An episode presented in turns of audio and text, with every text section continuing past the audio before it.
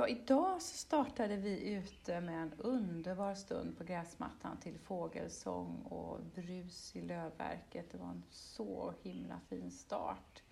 Sen har temat varit ganska mycket energiflöden, eller hur Cecilia?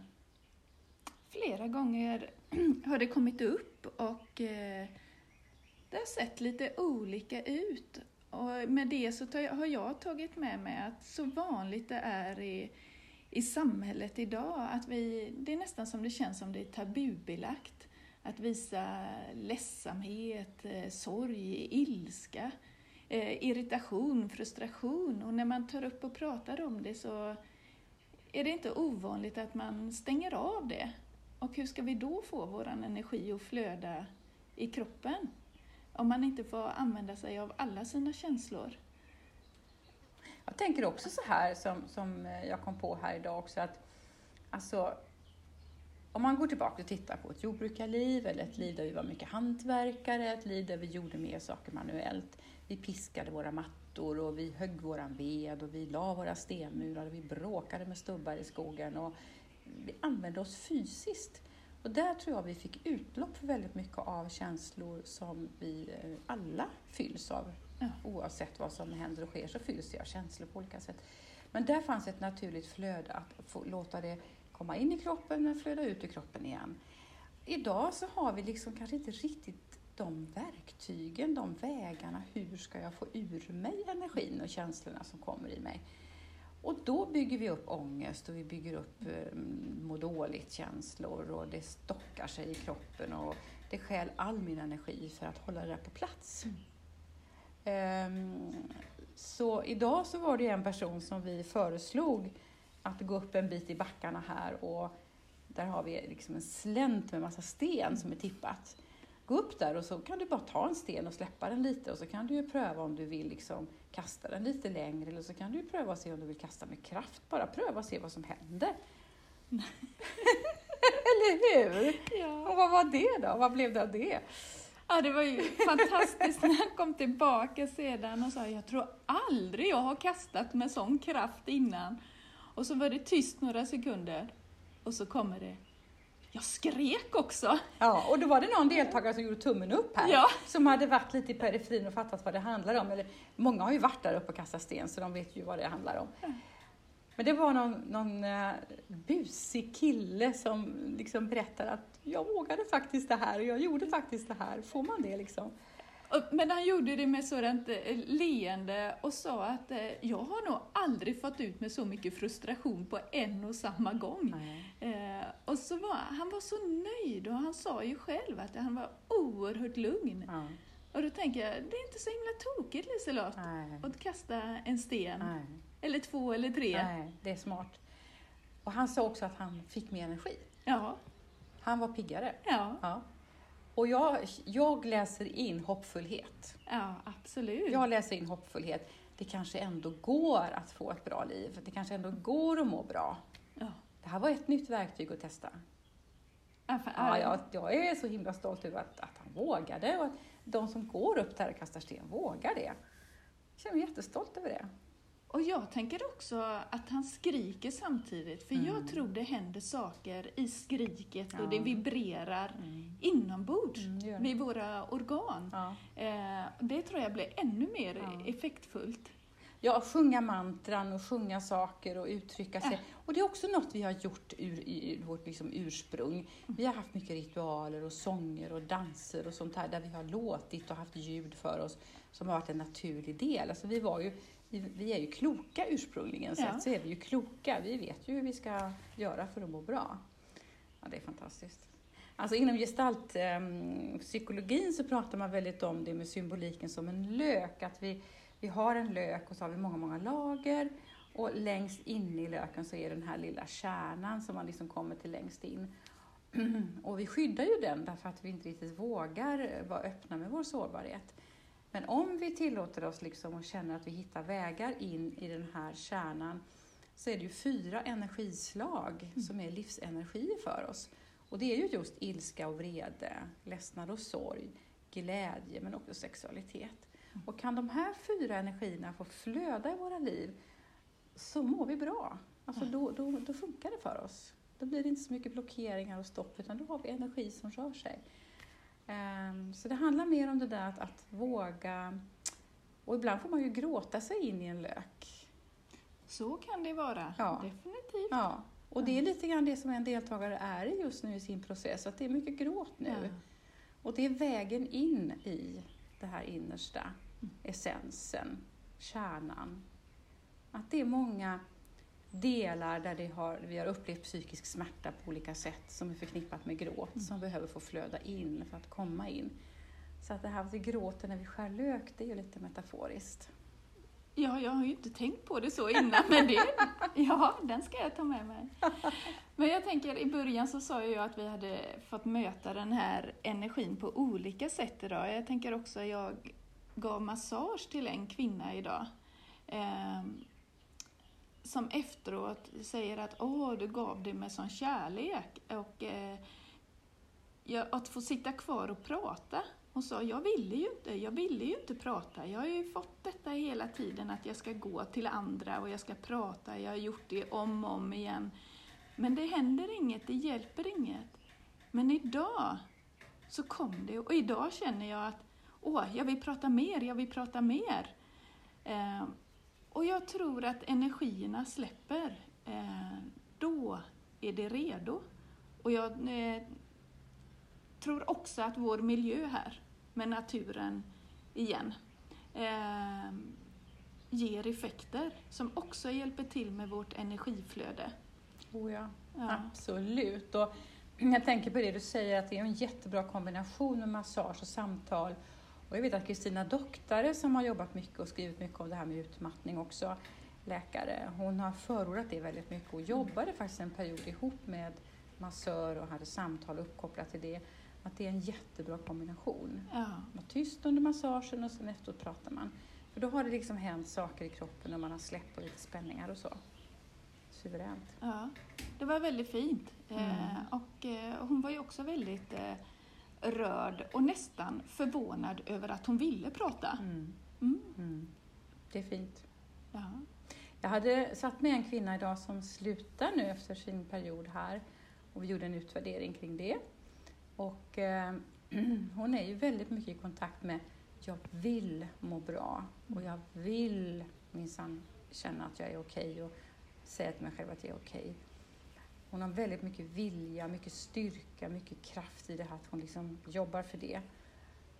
Och hon fightas ju med en annan berättelse som säger att hon inte är värd att må bra. Och hon har ju levt i en relation där eh, hon har fått höra mycket projektioner om att hon inte är okej på olika sätt. Och hon är ju på väg ur det nu, hon är på väg att lämna Mm. det nu. Hon är precis i brytpunkten mellan berättelsen att hon inte är värd och berättelsen att hon är värd. Det är så fantastiskt att se hur hon balanserar och, och där är det viktigt någonstans att hon, att hon kan fylla på eh, och inte bara gå på viljestyrka för det kommer hon bli trött av. Utan hon måste också fylla på. Så vad tänker du om det Cecilia, fylla på där? ja, jag tänker att man kan fylla på eh, på olika sätt för hon besitter ju sånt mod och sån styrka. Eh, och att våga stanna upp, vad behöver jag? Eh, vad vill jag ge mig själv? Men också att ta emot. Att ta emot hjälp eller eh, vad det nu kan vara. Eh, för det är också ett sätt att fylla på. Att inte behöva leta, leta fakta, information själv, utan ta hjälp för att spara energin, eh, för att klara hela vägen ut. Ja, och hon är ju också en tjej, tjej som har fått väldigt mycket spegling idag på vår avslutande runda om att hon är så kärleksfull Ja. och full av lekfullhet och omtanke och vill alla sina barn det bästa och vill alla människor bra saker och hon ger Mm. massage och sådär. Hon är väldigt varm och kärleksfull. Och just det där att, ja du sa det på något bra sätt, vad var det du sa där? Ja, Att du. vända det in och vända det Ja, att, tillbaka. att det speglar det. Ja. Eh, Så att hon får det tillbaka, Ja. lika mycket som hon ger. Att sätta upp en spegel, Ja. så att hon får det till sig. Mm. Varför är det så jäkla svårt att ge sig själv då? Vad är det som gör att vi tycker det är så svårt att ge oss själva? Ja, många gånger så tror jag att man eh, har med sig, eh, kanske från uppväxten, men också den här synen på att det är egoistiskt eh, att tänka på sig själv. Mm. Och egentligen är ju det det viktigaste för att kunna fylla på, Mm. för att ha energi för att ge till det andra. Mm. Eh, Är det någonting med jantelagen det här liksom, att det, det är inte, man ska inte ge sig själv utan man ska ge andra? ja, jag tror det ligger Mm. lite i det faktiskt. För det här är ju en brinnande punkt, tänker jag, just i utmattning. Ja. Att det är ju det som de flesta har haft med sig som historia. Att de inte har sett sig att det har varit okej att ge sig själv eller man har inte varit värd att få det eller vad det nu kan vara för något. Mm. Som gör att de har gett ut mer än de har fyllt på. Ja. Och det är den här balansen som är, som är livsviktig. Hur fyller jag på? Hur fyller du på förresten? ja, men jag går ju ut. Du går ut. Jag går ut, eh, jag är med personer som jag tycker väldigt mycket om. Ehm, där jag känner värme, kärlek. Ja, ja, det är nog eh, det bästa jag vet. Och ska jag fylla på riktigt mycket, ja, då är det havet och rundade klipphällar. Mm. Då jag kan känna hur pulsen bara går ner Mm. och jag får sätta mig på de varma hällarna, Mm. lägga mig ner. Mm.